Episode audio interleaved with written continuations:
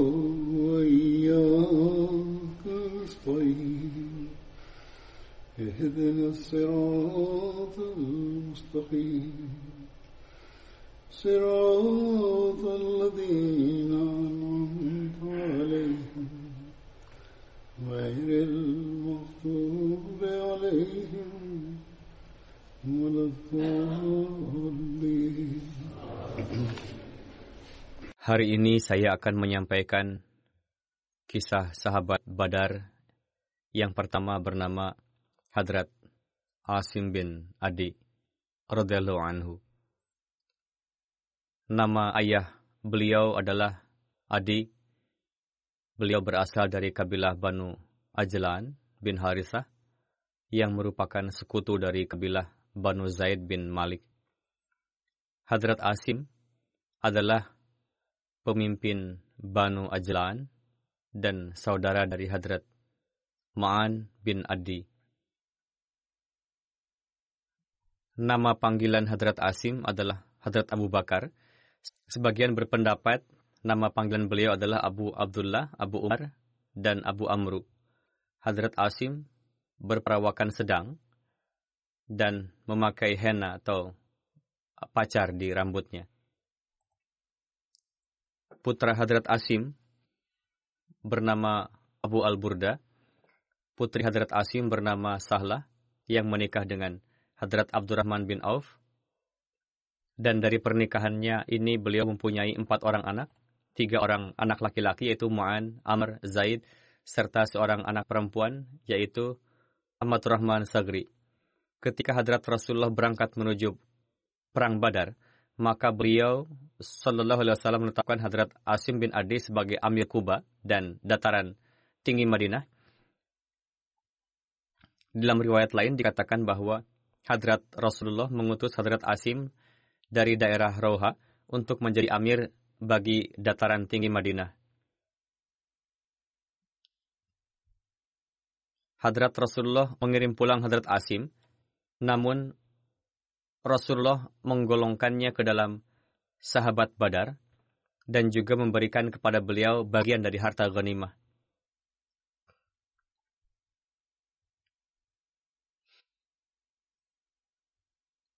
Di dalam buku Sirat Khatamun Nabiyyin, Hadrat Mirza Bashir Ahmad menulis sebagai berikut bahwa ketika keluar dari Madinah, Rasulullah menetapkan Abdullah bin Ummi Maktum sebagai Amir Madinah.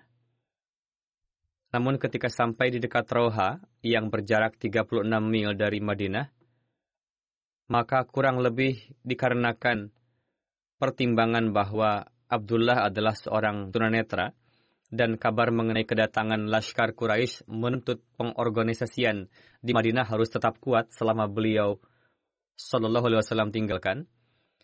Lalu Rasulullah menetapkan Abu Lubabah bin Munzir sebagai Amir Madinah dan mengirimkan beliau pulang.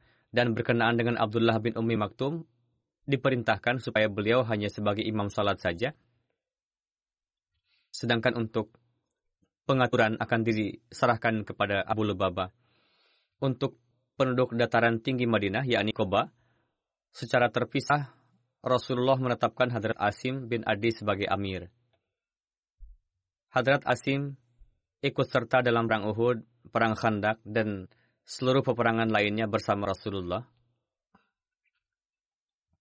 Beliau wafat pada tahun 45 Hijriah di masa pemerintahan Hadrat Muawiyah di Madinah. Pada saat itu usia beliau 115 tahun. Sebagian lagi berpendapat beliau wafat pada usia 120 tahun. Ketika kewafatan Hadrat Asim telah menjelang, keluarga beliau menangis. Melihat hal ini, beliau berkata, Janganlah menangisiku, karena aku telah menjalani usiaku, dan aku telah melalui usia yang panjang. Ketika Hadrat Rasulullah memerintahkan para sahabat untuk persiapan perang Tabuk, Rasulullah menghimbau para hartawan untuk mengorbankan harta dan menyediakan hewan tunggangan di jalan Allah Ta'ala, dan atas perintah tersebut, orang-orang memberikan pengorbanan sesuai dengan kemampuannya masing-masing. Pada kesempatan itu, Hadrat Abu Bakar membawa seluruh harta yang ada di rumahnya yang berjumlah 4.000 dirham. Hadrat Rasulullah bertanya kepada Hadrat Abu Bakar, Apakah Anda meninggalkan sesuatu untuk keluarga Anda atau tidak?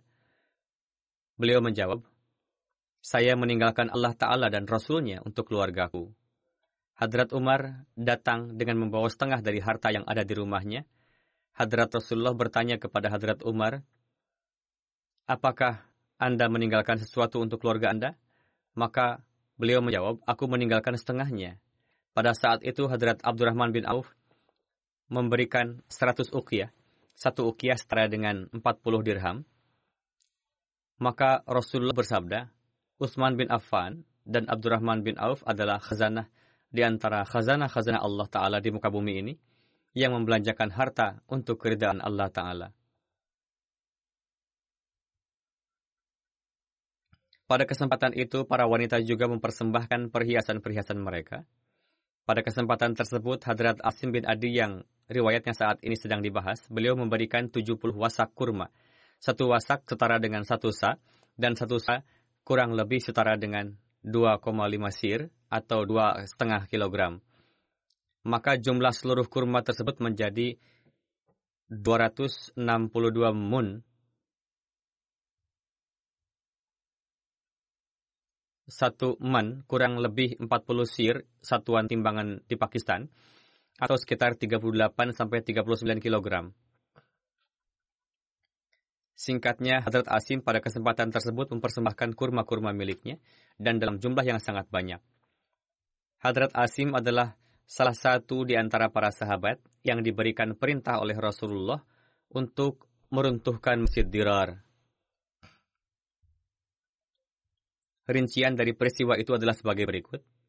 Diriwayatkan dari Ibnu Abbas bahwa Banu Amru bin Auf membangun Masjid Kuba dan mengirimkan pesan kepada hadrat Rasulullah supaya beliau datang dan salat di masjid tersebut. Ketika beberapa orang dari Banu Ghanam bin Auf melihat masjid tersebut, mereka mengatakan bahwa mereka pun akan membuat masjid seperti yang dibuat oleh Banu Amru. Maka Abu Amir, seorang fasik, penentang besar dan penyebar fitnah berkata kepada mereka, buat jugalah oleh kalian satu masjid dan kumpulkanlah sebanyak-banyaknya senjata di dalamnya. Tujuan dia adalah supaya masjid tersebut dijadikan sebagai markas fitnah. Ia berkata, aku akan pergi ke Kaisar, yakni Raja Roma, dan dari sana akan membawa satu laskar orang-orang Romawi, kemudian mengusir Muhammad Sallallahu Alaihi Wasallam dan para sahabatnya dari sini. Ketika masjid selesai dibangun, maka mereka hadir di hadapan hadrat Rasulullah dan berkata, kami telah membuat masjid ini untuk kemudahan orang-orang yang sakit dan uzur. Mereka tidak bisa pergi terlalu jauh untuk salat.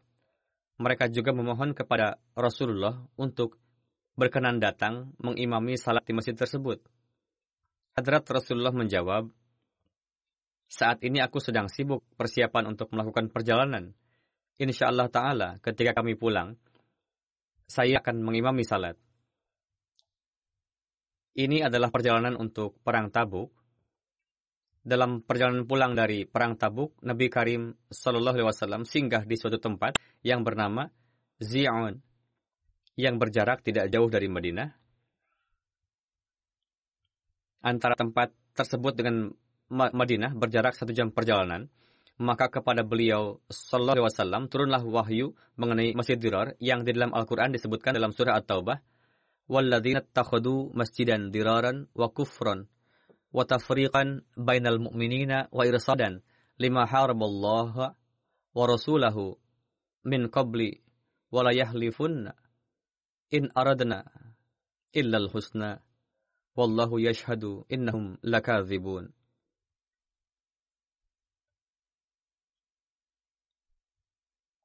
dan orang-orang yang telah membuat masjid untuk kemudaratan menyebarkan kekufuran dan menyebarkan perpecahan di kalangan orang-orang beriman dan menyediakan tempat persembunyian bagi orang-orang yang memerangi Allah dan Rasul-Nya. Sebelum ini, mereka pasti akan bersumpah bahwa kami bermaksud tiada lain kecuali kebaikan. Padahal Allah Ta'ala menyaksikan sesungguhnya mereka itu para pendusta. Setelah itu Rasulullah memanggil Malik bin Dasham dan Ma'an bin Adi lalu memerintahkan mereka untuk merobohkan Masjid Dirar. Dalam beberapa riwayat dikatakan juga bahwa Hadrat Rasulullah telah mengutus Hadrat Asim bin Adi, Amru bin Sakan, dan Washi yang telah mensyairkan Hadrat Hamzah untuk tujuan ini. Tertulis juga dalam syarah Zarqani bahwa Hadrat Rasulullah pertama-tama mengutus dua orang, kemudian lebih lanjut mengutus lagi empat orang untuk membantu mereka. Rasulullah memerintahkan mereka pergi ke Masjid Dirar untuk merobohkannya dan membakarnya. Mereka semua dengan cepat sampai ke kabilah Banu Salim yang merupakan kabilah Hadrat Malik bin Dasham.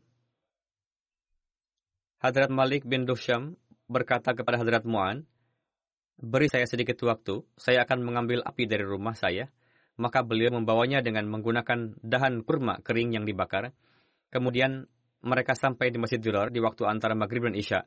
Dan sampainya di sana, mereka membakar masjid tersebut dan meratakannya dengan tanah. Sebagian kisah ini saya telah sampaikan pada tema mengenai Hadrat Malik bin Dusham. Pada saat itu, orang-orang yang membangun masjid tersebut ada di sana. Namun setelah api melahap masjid itu, mereka melarikan diri ke sana kemari ketika Nabi Karim Shallallahu Alaihi Wasallam sampai di Madinah, maka Rasulullah ingin memberikan lahan bekas masjid tersebut kepada Asim bin Adi untuk membuat rumahnya di sana. Namun Asim bin Adi mengatakan, saya tidak akan mengambil tempat ini karena Allah Ta'ala telah menurunkan ayat mengenainya, bahwa ini telah menjadi suatu tempat yang Allah Ta'ala tidak menyukai rumahnya dibangun di sana. Oleh karena itu saya tidak mau menerimanya. Kemudian Rasulullah memberikannya kepada Sabit bin Akram yang tidak mempunyai rumah. Asim bin Adi mengatakan bahwa saya mempunyai rumah dan saya juga merasa enggan menerimanya. Lebih baik tempat ini diberikan kepada Sabit bin Akram dan alasannya adalah karena beliau tidak mempunyai rumah. Beliau akan membuat rumahnya di sini. Maka Rasulullah memberikan tempat bekas masjid Dirar tersebut kepada Sabit bin Akram.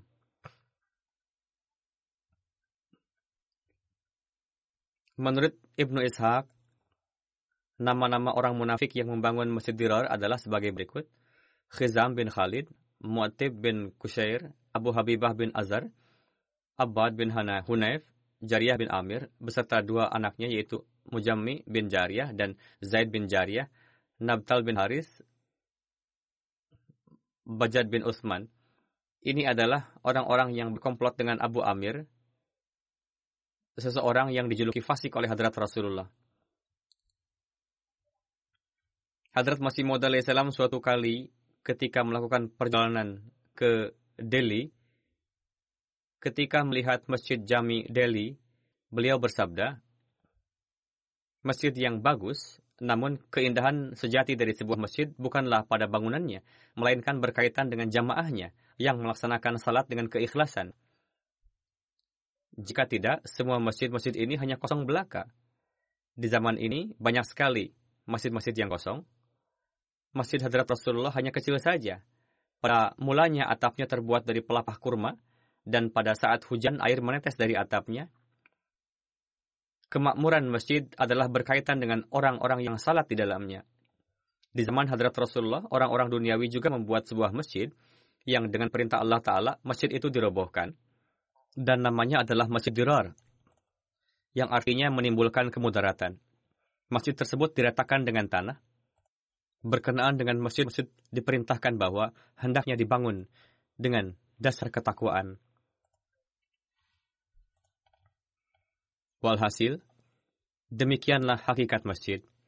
Saat ini terdapat kecenderungan untuk memakmurkan masjid di kalangan sebagian umat muslim, dan yang mengherankan adalah kecenderungan tersebut timbul pasca kedatangan Hadrat Masih Maud salam jika timbul kesempatan, keberanian, atau ada perhatian kepada ibadah, atau ibadah zahir, itu pun muncul setelah pendawaan Hadrat Masih Maud salam. Mereka pun membangun masjid-masjid yang indah. Namun meskipun timbul perhatian untuk mendirikan masjid-masjid, bahkan sebagian mereka pun berupaya untuk memakmurkan masjid, khususnya terjadi di Pakistan dan lain-lain pada masa ini, namun masjid mereka kosong dari ketakwaan. Perintah Allah Ta'ala dalam Al-Quran untuk merobohkan Masjid Dirar, pada ayat berikutnya terdapat firman yang jelas bahwa masjid yang hakiki adalah masjid yang berpondasikan ketakwaan. Namun, perspektif para ulama gair berkenaan dengan ketakwaan hanya sebatas dengan menyuarakan ujaran kebencian di masjid-masjid untuk menentang hadrat Masih Maud salam.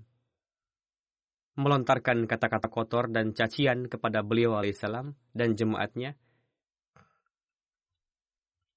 Dan tidak hanya cukup di sana, bahkan hari demi hari sering terjadi di mana disebabkan oleh selisih pendapat perihal keimaman dalam masjid-masjid tersebut dan perbedaan firkah yang dianut, mereka pun satu sama lain saling menghujat. Saat ini berbagai peristiwa kekisuhan dan saling hujat di masjid-masjid sering viral. Semua kejadian ini memberitahukan kurangnya takwa dalam diri mereka dan dan hak masjid yang hakiki tidak dapat terpenuhi di masjid-masjid mereka. Seyogianya hal ini dapat menjadi pelajaran bagi para Ahmadi dan kita harus berupaya supaya masjid-masjid kita berlandaskan pada ketakwaan. Semoga kita dapat memakmurkan masjid dengan mengedepankan ketakwaan. Inilah hakikat sebenarnya. Jika ini ada, dan selama ini ada, kita akan selalu menjadi pewaris karunia-karunia Allah insyaallah taala. Hadrat Khalifatul Masih yang pertama pernah bersabda mengenai hal ini, yakni menjelaskan perihal ayat liman haraballaha bahwa ayat ini mengisyarahkan kepada Abu Amir, seorang Kristen. Salah satu di antara makarnya ialah ia ingin supaya Rasulullah salat di masjid tersebut dan ada beberapa umat muslim yang akan ikut serta di dalamnya dengan cara demikian, ia ingin memecah jamaah muslim. Abu Amir itu juga menyebarkan satu uyanya yang menyatakan bahwa ia melihat Rasulullah wahidan, taridan, syaridan akan wafat dalam keadaan terkutuk dan ditinggalkan. Nauzubillah. Setelah mendengar ucapannya itu, Rasulullah bersabda, mimpinya itu tergenapi. Benar apa yang ia katakan, Sebenarnya Rasulullah mengatakan tergenapi karena orang itu menyaksikan apa yang ia nubuatkan perihal Rasulullah tergenapi pada dirinya sendiri. Hadrat Khalifah yang pertama bersabda, Rasulullah tidak menyebut nama, karena dengan tidak menyebut nama, sebenarnya di dalamnya terdapat kaidah balaghah, yakni di masa yang akan datang pun, jika ada yang berbuat serupa, akan merasakan akibat yang sama. Kita juga menyaksikan bagaimana akibat yang dirasakan oleh para penentang pada masa ini.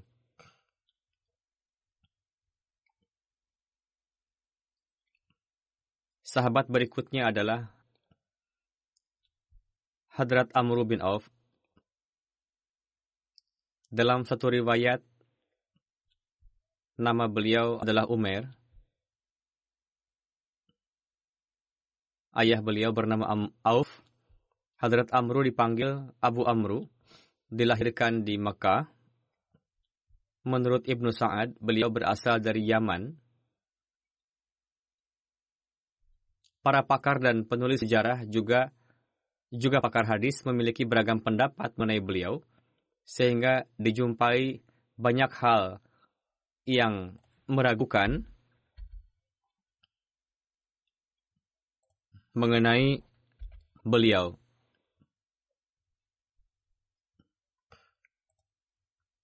Sebagaimana Imam Bukhari, Ibnu Ishaq, Ibnu Sa'ad, Allamah Ibnu Abdul Bir, Allamah Ibnu Usair Juzri, dan lain-lain menuliskan nama beliau Amru, sedangkan Ibnu Abu Ma'asyar, Muhammad Amru Waqidi, dan lain-lain menuliskan nama beliau Umair. Alamah Badruddin Aini, Alamah Ibnu Hajar Askalani, keduanya adalah pentasyrih Sahih Bukhari, menulis bahwa Amru bin Auf dan Umair bin Auf adalah seorang.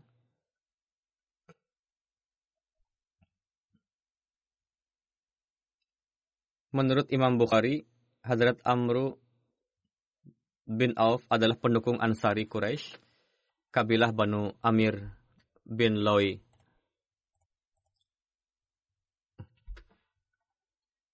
Alamah Badruddin Aini, pentasyrih Bukhari, sepakat dengan itu dan menyatukan kedua keterangan berbeda dan mengatakan bahwa pada hakikatnya Hadrat Amru bin Auf berasal dari Ansar kabilah Aus atau dari Khajraj pergi ke Mekah dan menetap di sana, lalu menjadi pendukung sebagian orang di sana. Berdasarkan itu, berarti beliau adalah Ansar juga, Muhajir juga. Beliau adalah termasuk Muslim awalin. Ketika hijrah dari Mekah ke Madinah, beliau tinggal di rumah Hadrat Kulsum bin Al-Hadam Beliau ikut serta pada perang Badar, Uhud, Khandak, dan seluruh peperangan lainnya bersama dengan Rasulullah Sallallahu Alaihi Wasallam.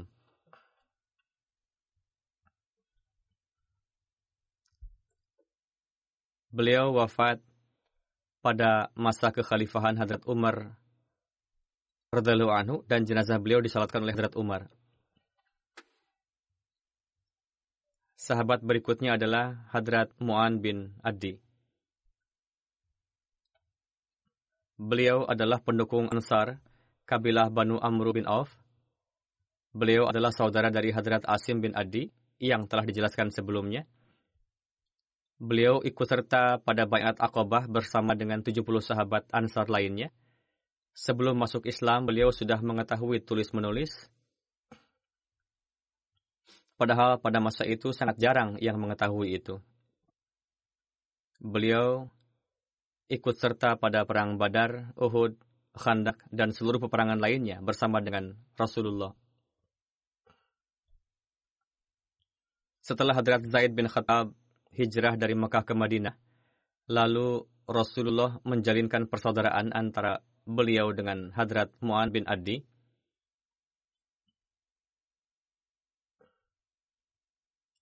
Hadrat Umar meriwayatkan, ketika Hadrat Rasulullah wafat, saya katakan kepada Hadrat Abu Bakar, mari berkunjung kepada saudara Ansar bersama kami. Lalu kami berangkat. Kami berjumpa dengan dua orang baik yang pernah ikut perang Badar. Saya sampaikan kepada Urwah bin Zubair. Beliau berkata, orang itu adalah Hadrat Uwaim bin Saidah dan Hadrat Mu'an bin Adi. Riwayat Hadrat Umar yang diterangkan barusan, keterangan selengkapnya terdapat dalam satu riwayat Bukhari lainnya yang akan saya sampaikan sebagiannya. Hadrat Ibnu Abbas meriwayatkan, saya biasa mengajarkan Al-Quran kepada banyak orang dari kalangan muhajirin. Di antaranya Abdurrahman Rah bin Auf, Suatu ketika, saya berada di sebuah rumah di Mina. Beliau pergi ke rumah Umar bin Khattab. Itu adalah peristiwa haji terakhir yang dilakukan oleh Hadrat Umar. Ketika Abdurrahman kembali pulang, beliau berkata,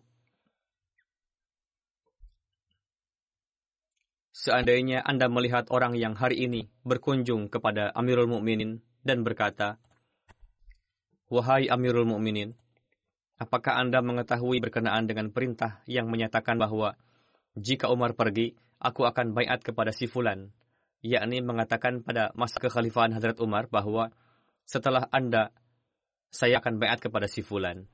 Lalu ia mengatakan, demi Tuhan, bayat kepada Abu Bakar adalah suatu kekeliruan Nauzubillah. Bahkan mengatakan juga bahwa bayat kepada Hadrat Abu Bakar adalah suatu kekeliruan. Nauzubillah. Dan demikian ia mendapatkan makom khilafat.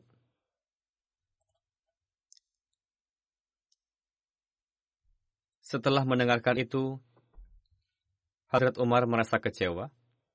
Lalu Hadrat Umar berkata, jika Tuhan menghendaki, sore hari ini saya akan berpidato di hadapan orang-orang dan akan waspada terhadap orang-orang yang ingin memaksakan kehendak dalam hal ini. Abdurrahman berkata, saya mengatakan, wahai Amirul Mukminin, mohon untuk tidak melakukan hal itu, karena ketika haji terdapat orang-orang Ami dan Obash juga dan jika Tuhan berpidato di hadapan mereka, mereka akan memaksakan kehendak untuk berkumpul, sehingga saya khawatir mereka akan melebih-lebihkan ucapan Tuhan kepada orang-orang, dan orang-orang tidak memahaminya, dan tidak menempatkan pada tempatnya. Jangan sampai orang-orang tidak faham dan tidak menempatkan pada tempatnya, lalu tidak dapat memahaminya.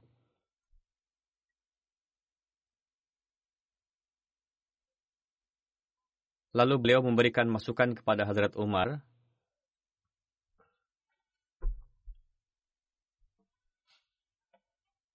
Mohon Tuan berkenan menunggu sampai dapat pergi ke Madinah. Tuan dapat menyampaikan hal-hal yang ingin disampaikan di hadapan orang-orang yang baik dan saleh secara terpisah di Madinah nanti yang merupakan tempat hijrah dan sunnah. Orang-orang yang bijak akan memahami ucapan Tuhan dan akan menempatkannya sesuai dengan kondisi. Mereka tidak akan menafsirkan sesukanya. Lalu Hazrat Umar berkata, Baiklah, demi Tuhan, insya Allah yang akan saya sampaikan pertama kali di Madinah nanti ketika khutbah adalah hal tersebut.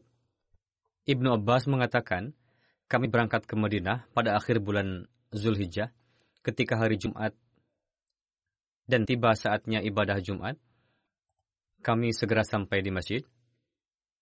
Sesampainya di masjid, saya melihat Sa'id bin Zaid tengah duduk di dekat mimbar, lalu saya pun duduk di dekat beliau.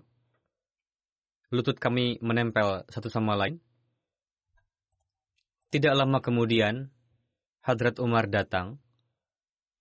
Ketika saya melihat beliau datang dari arah depan, saya berkata kepada Said bin Zaid, pada hari ini Hadrat Umar akan menyampaikan sesuatu yang belum pernah disampaikan semenjak beliau menjadi khalifah. Beliau merasa aneh dengan perkataan saya dan berkata, saya tidak berharap beliau akan mengatakan sesuatu yang belum pernah dikatakan sebelumnya. Lalu Hadrat Umar berdiri di mimbar. Ketika muazin selesai mengumandangkan azan, Hadrat Umar berdiri lalu menyampaikan puji sanjung kepada Allah Ta'ala, lalu bersabda, Amma ba'du. Saya akan menyampaikan sesuatu yang telah ditetapkan bagiku. Saya tidak tahu, mungkin saja hal ini dekat dengan kematianku. Untuk itu, barang siapa yang memahaminya dan mengingatnya, sampaikanlah ke mana pun untanya mengantarnya yakni ke mana pun kamu bisa menyampaikannya, sampaikanlah dengan baik kepada orang-orang. Namun jika kalian khawatir ada orang yang tidak memahaminya, saya tidak mentolerir siapa pun untuk mengada-adakan sesuatu dari dirinya berkenaan denganku, yakni janganlah menyampaikan sesuatu yang keliru. Lalu beliau bersabda, Allah Ta'ala telah mengutus Muhammad Sallallahu Alaihi Wasallam dengan kebenaran, dan menurunkan hukum syariat kepada beliau. Lalu Hadrat Umar menjelaskan beberapa hukum, namun tidak akan saya sampaikan karena panjang. Hadrat Umar bersabda, Dengarlah, Rasulullah pernah bersabda, Janganlah memujiku dengan melebih-lebihkan. Sebagaimana Hadrat Isa alaihissalam telah disanjung secara berlebihan, katakanlah bahwa Rasulullah adalah hamba Allah. Beliau bersabda, Rasulullah bersabda, katakanlah mengenaiku bahwa aku adalah hamba Allah dan Rasulnya. Hadrat Umar berkata, saya mendapat kabar bahwa di antara kalian ada yang berkata bahwa Hadrat Abu Bakar mendapatkan khilafat begitu saja. Beliau bersabda, orang itu mengatakan sesuatu mengenai Abu Bakar dan juga mengenaiku, yakni demi Tuhan, jika Umar mati, saya akan bayat kepada si Fulan. Untuk itu, jangan sampai ada orang yang tertipu mengatakan bahwa bayat kepada Abu Bakar merupakan kekeliruan saja, dan beliau jadi khalifah begitu saja.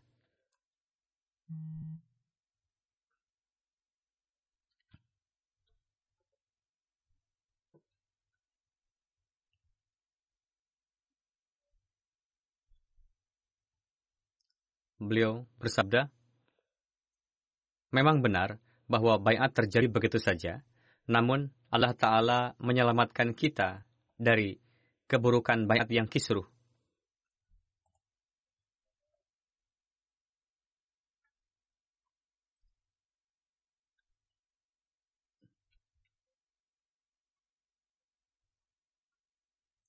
Di antara kalian tidak ada orang yang semisal Abu Bakar, yang mana orang-orang datang mengendari unta kepadanya. Maksudnya, sedemikian rupa Abu Bakar seorang figur yang alim dan mengamalkan ilmunya.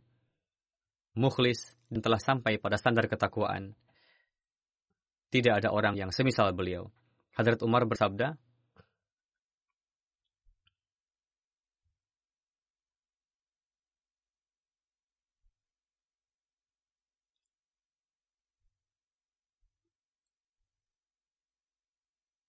Hadrat Umar bersabda, Barang siapa yang bayat pada seseorang tanpa meminta musyawarah dari umat muslim, janganlah bayat padanya dan juga kepada orang yang dia bayati. Supaya jangan sampai ia mencelakakan dirinya sendiri.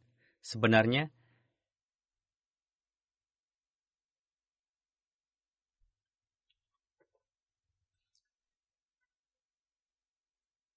Sebenarnya yang terjadi adalah, lalu Hadrat Umar menceritakan, bahwa setelah Allah mewafatkan hadrat Rasulullah, ada ansar yang tidak sependapat dengan kami. Kami semua berkumpul di Fakifah Banu Saidah bersama dengan Ali, Zubair, dua orang yang tidak sependapat itu, dan juga muhajir berkumpul lalu berangkat menemui Abu Bakar.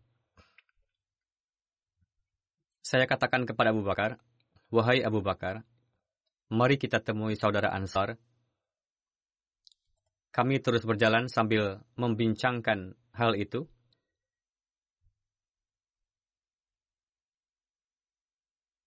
Ketika sudah hampir sampai, kami menjumpai dua pria baik.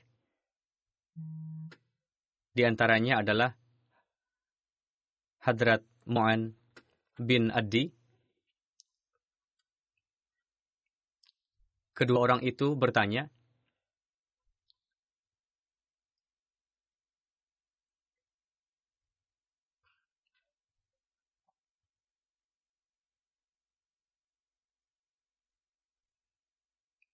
Kedua orang itu bertanya, Wahai para muhajirin, hendak pergi ke mana anda semua? Kami menjawab, kami ingin menjumpai saudara Ansar.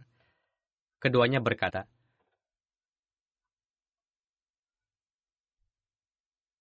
Sekali-kali jangan pergi ke sana. Apa yang ingin Anda musyawarahkan, lakukanlah sendiri.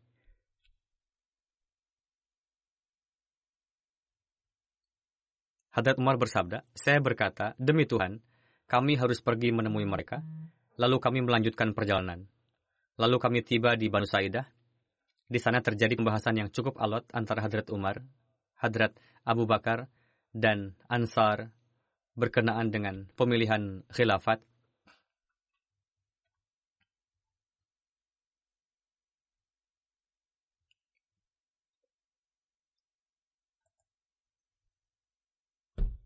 Selengkapnya akan saya sampaikan dengan mengambil rujukan Hadrat Muslim Maud. Beliau bersabda,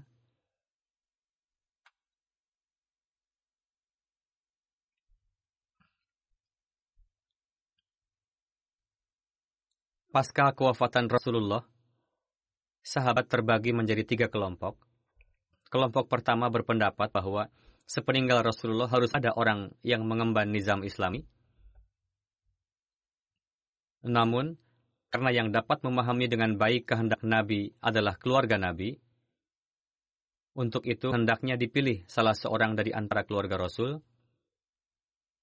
Kelompok lainnya mengatakan, harus ada orang yang dipilih dari antara keturunan Rasulullah, jangan dari keluarga lain. Kelompok tersebut beranggapan bahwa jika khalifah yang terpilih berasal dari keluarga lain selain keluarga Rasul, maka orang-orang tidak akan menuruti perkataannya. Dengan demikian akan menimbulkan ketidakstabilan dalam nizam. Maksud dari adalah anak keturunan atau bisa saja menantu terdekat beliau dan lain-lain. Selanjutnya, Hadrat Muslim Maud menulis, jika khalifah yang terpilih dari antar keluarga Rasul, maka karena orang-orang sudah terbiasa menaati keluarga Rasul, untuk itu orang-orang akan menerimanya dengan senang hati.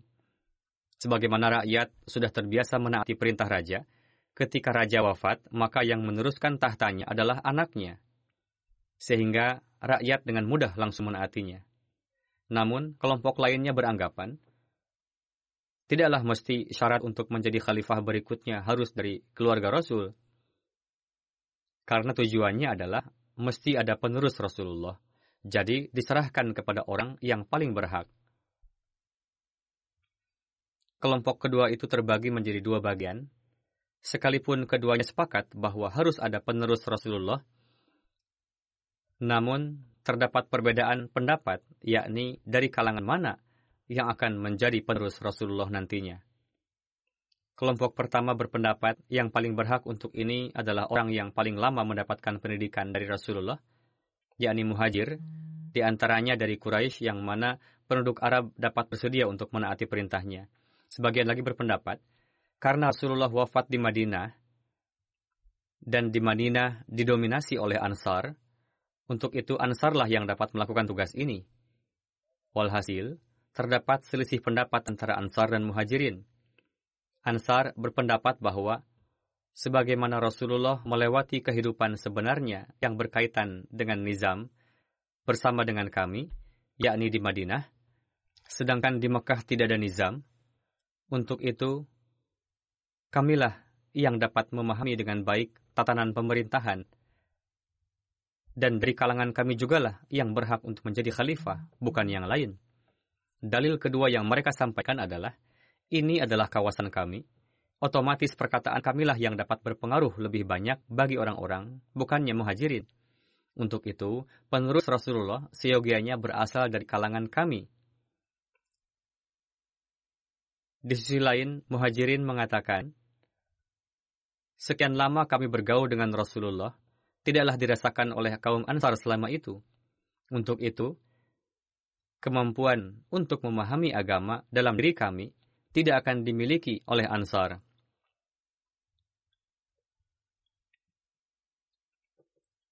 Hadrat Muslim Maud menulis berkenaan dengan ini, Ketika orang-orang merenungkan selisih pendapat tersebut dan tidak sampai pada suatu hasil, kelompok terakhir yang mendukung Ansar berkumpul di teras Banu Sa'idah mulai bermusyawarah tentang itu. Sa'ad bin Ubadah yang merupakan pemimpin Khajraj dan termasuk ke dalam daftar Naqib, mereka mulai condong kepadanya untuk dipilih menjadi khalifah. Lalu pihak Ansar berkata, Negeri ini adalah milik kami, tanah ini milik kami, harta kekayaan ini milik kami, dan yang akan memberikan manfaat bagi Islam adalah jika khalifah dipilih dari antara kami, dan berpendapat bahwa tidak ada yang lebih baik dari Sa'ad bin Ubadah. Terjadi perbincangan. Sebagian mengatakan, jika muhajirin menolaknya, lantas apa yang akan terjadi? Timbul pertanyaan seperti itu. Salah seorang berkata, kami akan mengatakan, minna amirun wa minkum amirun, yakni satu amir dari kalangan kalian dan satu amir dari kalangan kami. Saat yang notabene seorang yang cerdas berkata, ini adalah kelemahan pertama. Pilihlah salah satu dari itu, apakah khalifah dari antara mereka atau kita. Mengatakan minna amirun wa minkum amirun, seolah-olah tidak memahami mafhum khilafat. Dengan demikian akan timbul kefasadan.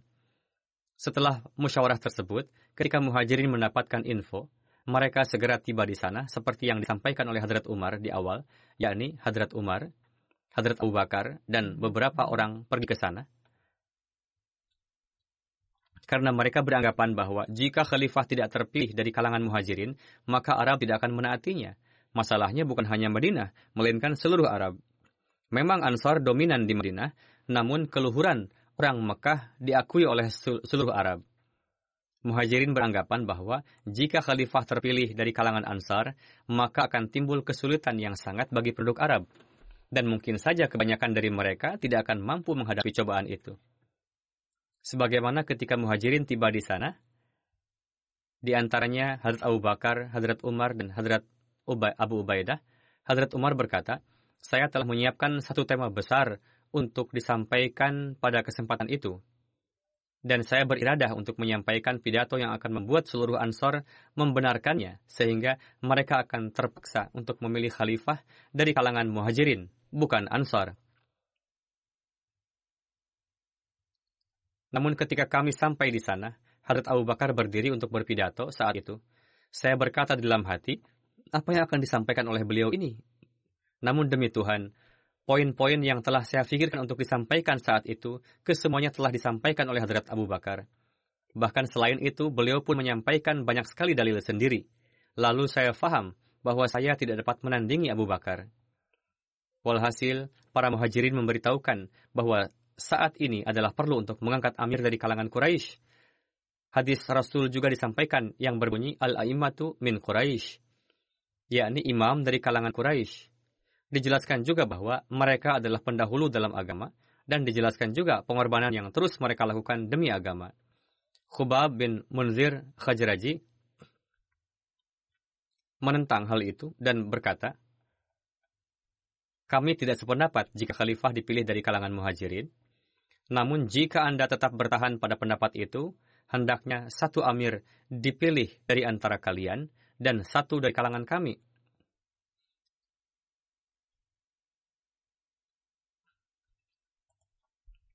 Hadrat Umar bersabda, berfikirlah dahulu sebelum berbicara. Apakah kamu tidak mengetahui bahwa Rasulullah pernah bersabda, tidak jaiz ada dua amir dalam satu hal waktu. Dari ini diketahui bahwa terdapat hadis-hadis yang di dalamnya Rasul menjelaskan mengenai nizam khilafat.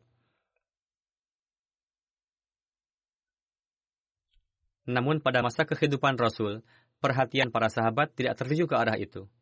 Penyebabnya adalah hikmah dari Allah Ta'ala yang telah dijelaskan oleh Hadrat Muslim Ma'ud pada penjelasan terdahulu. Hadrat Umar bersabda, permintaan ini secara akal sehat maupun syariat bagaimanapun tidaklah dibenarkan. Lalu bagaimana Hadrat Abu Bakar terpilih? Setelah perdebatan Hadrat Abu Ubaidah berdiri, menekankan kepada Ansar bahwa kalian adalah kaum pendahulu yang beriman di luar Mekah saat ini pasca kewafatan Rasul, kalian janganlah menjadi kaum pertama yang merubah kehendak agama. Diriwayatkan bahwa begitu berpengaruhnya ucapan tersebut dalam diri sehingga Bashir bin Sa'ad Khajraji berdiri dan berkata kepada kaumnya, Benar apa yang di, mereka katakan, pengkhidmatan dan dukungan yang kita lakukan bagi Muhammad Rasulullah SAW bukanlah untuk tujuan duniawi, dan tidak juga bermaksud supaya sepeninggal beliau kita mendapatkan kekuasaan, melainkan kita melakukannya demi Allah Ta'ala. Jadi, bukanlah hak untuk menjadi amir dari kalangan kami yang menjadi permasalahan, melainkan perlunya Islam. Dari sisi itu, yang terpilih seyogianya dari kalangan muhajirin karena mereka bergaul lebih lama dengan Rasulullah. Terjadi perdebatan cukup panjang perihal itu, namun akhirnya setelah berlalu 30 atau 45 menit, perhatian orang-orang semakin mengerucut, yakni yakni yang terpilih sebagai khalifah, seyogianya dari kalangan muhajirin. Lalu Hadrat Abu Bakar mengusulkan Hadrat Umar, Hadrat Abu Ubaidah untuk tanggung jawab tersebut.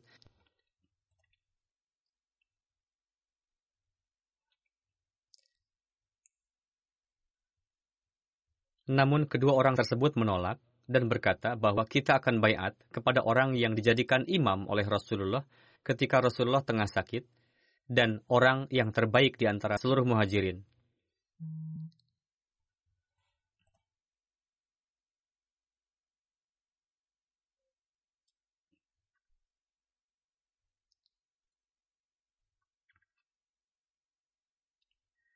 Sebagaimana Hadrat Umar berkata bahwa pidato yang disampaikan oleh Hadrat Abu Bakar yang sangat luar biasa. Hadrat Umar berkata, semua yang disampaikan oleh Hadrat Abu Bakar, saya sangat menyukainya. Kecuali satu hal, yakni ketika Hadrat Abu Bakar mengusulkan nama saya dan Abu Ubaidah sebagai khalifah. Demi Tuhan, ketika namaku diusulkan oleh Abu Bakar, untuk menjadi khalifah, aku lebih memilih untuk disodorkan supaya leherku ditebas, supaya kematian jangan sampai membiarkan aku mendekati dosa. Aku menyukai demikian daripada aku harus menjadi amir suatu jamaah yang di dalamnya terdapat Abu Bakar, yakni makom Abu Bakar sedemikian rupa luhurnya, sehingga bagaimana mungkin aku harus menjadi amir di tengah keberadaan Abu Bakar. Selebihnya, pidato Abu Bakar sangat saya sukai. Hadrat Muslim Maud bersabda, ketika Hadrat Umar bersabda bahwa kita akan bayat kepada orang yang terbaik di kalangan muhajirin, maksudnya adalah tidak ada orang yang lebih baik selain Abu Bakar untuk mengemban tanggung jawab ini. Lalu mulailah bayat kepada Abu Bakar. Pertama Hadrat Umar bayat, lalu Hadrat Abu Ubaidah, lalu Bashir bin Sa'ad Khajraji, lalu Os, lalu orang-orang dari Khajraj dan sedemikian rupa semangat bergejolak saat itu sehingga saat yang tengah sakit dan tidak mampu bangun, kaum beliau memboyong beliau untuk bayat. Sebagaimana tidak lama kemudian semuanya bayat kecuali Hadrat Abi dan Sa'ad. Sampai-sampai putra-putra Sa'ad pun bayat. Hadrat Ali bayat beberapa hari kemudian dalam beberapa riwayat dikatakan tiga hari kemudian dan dalam riwayat lain lagi dikatakan bahwa beliau bayat enam bulan kemudian. Perihal riwayat enam bulan diterangkan juga bahwa disebabkan oleh kesibukan beliau dalam merawat Hadrat Fatimah yang tengah sakit sehingga beliau tidak dapat bayat saat itu. Ketika beliau datang untuk bayat, beliau menyampaikan permohonan maaf dengan mengatakan bahwa karena Fatimah sakit sehingga saya terlambat bayat. Intinya, semua orang ikut bayat pada saat itu. Hadrat Urwa bin Zubair meriwayatkan, pada saat Allah mewafatkan Rasulullah, orang-orang nangisi kewafatan beliau dan berkata, Demi Tuhan, sebelum ini kami menginginkan supaya mati terlebih dahulu sebelum Rasulullah, supaya kami terhindar dari kekacauan yang akan terjadi pasca kewafatan Rasulullah. Sedangkan Hadrat Mu'an berkata, Demi Tuhan, saya tidak ingin mati terlebih dulu sebelum saya dapat membenarkan Rasulullah setelah beliau wafat seperti halnya ketika beliau masih hidup.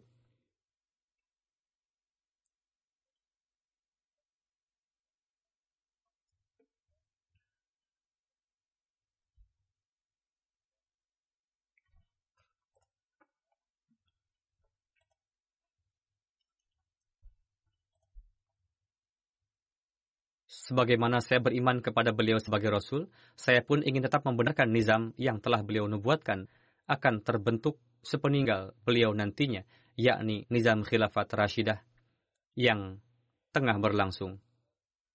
Saya ingin tetap mendukungnya dan tidak mau masuk ke dalam perangkap orang-orang munafik dan murtad. Demikianlah standar keimanan yang seyogianya dimiliki oleh para Ahmadi. Menurut satu riwayat, Hadrat Mu'an bersama dengan Hadrat Khalid bin Walid ikut serta memberantas orang-orang murtad, pemberontak, sepeninggal Rasulullah. Hadrat Khalid bin Walid mengutus Hadrat Mu'an bersama dengan 200 pasukan berkuda ke Yamamah. Hadrat Rasulullah menjalinkan persaudaraan antara beliau dengan Hadrat Zaid bin Khattab. Kedua sahabat tersebut syahid pada masa kekhalifahan Hadrat Abu Bakar Siddiq pada tahun 12 Hijri pada Perang Yamamah. Semoga Allah Ta'ala memberikan taufik kepada setiap para Ahmadi untuk mengenali makom kenabian dan menciptakan jalinan yang setia dan tulus dengan khilafat. Amin.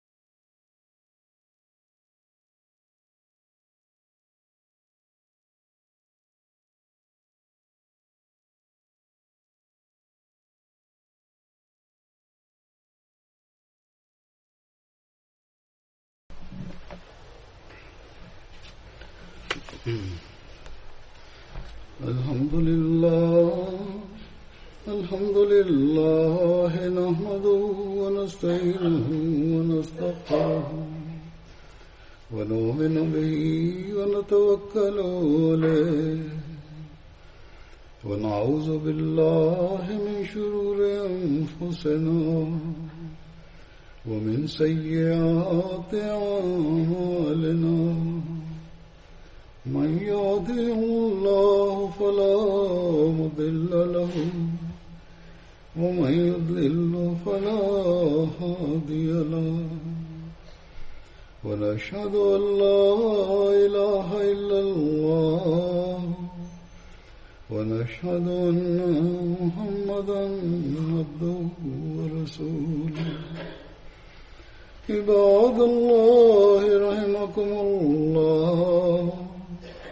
إن الله يأمر بالعدل واللسان وإيتاء ذي القربى وينهى عن الفحشاء والمنكر والبغي يعظكم لعلكم تذكرون اذكروا الله يذكركم وادعوه يستجب لكم ولذكر الله أكبر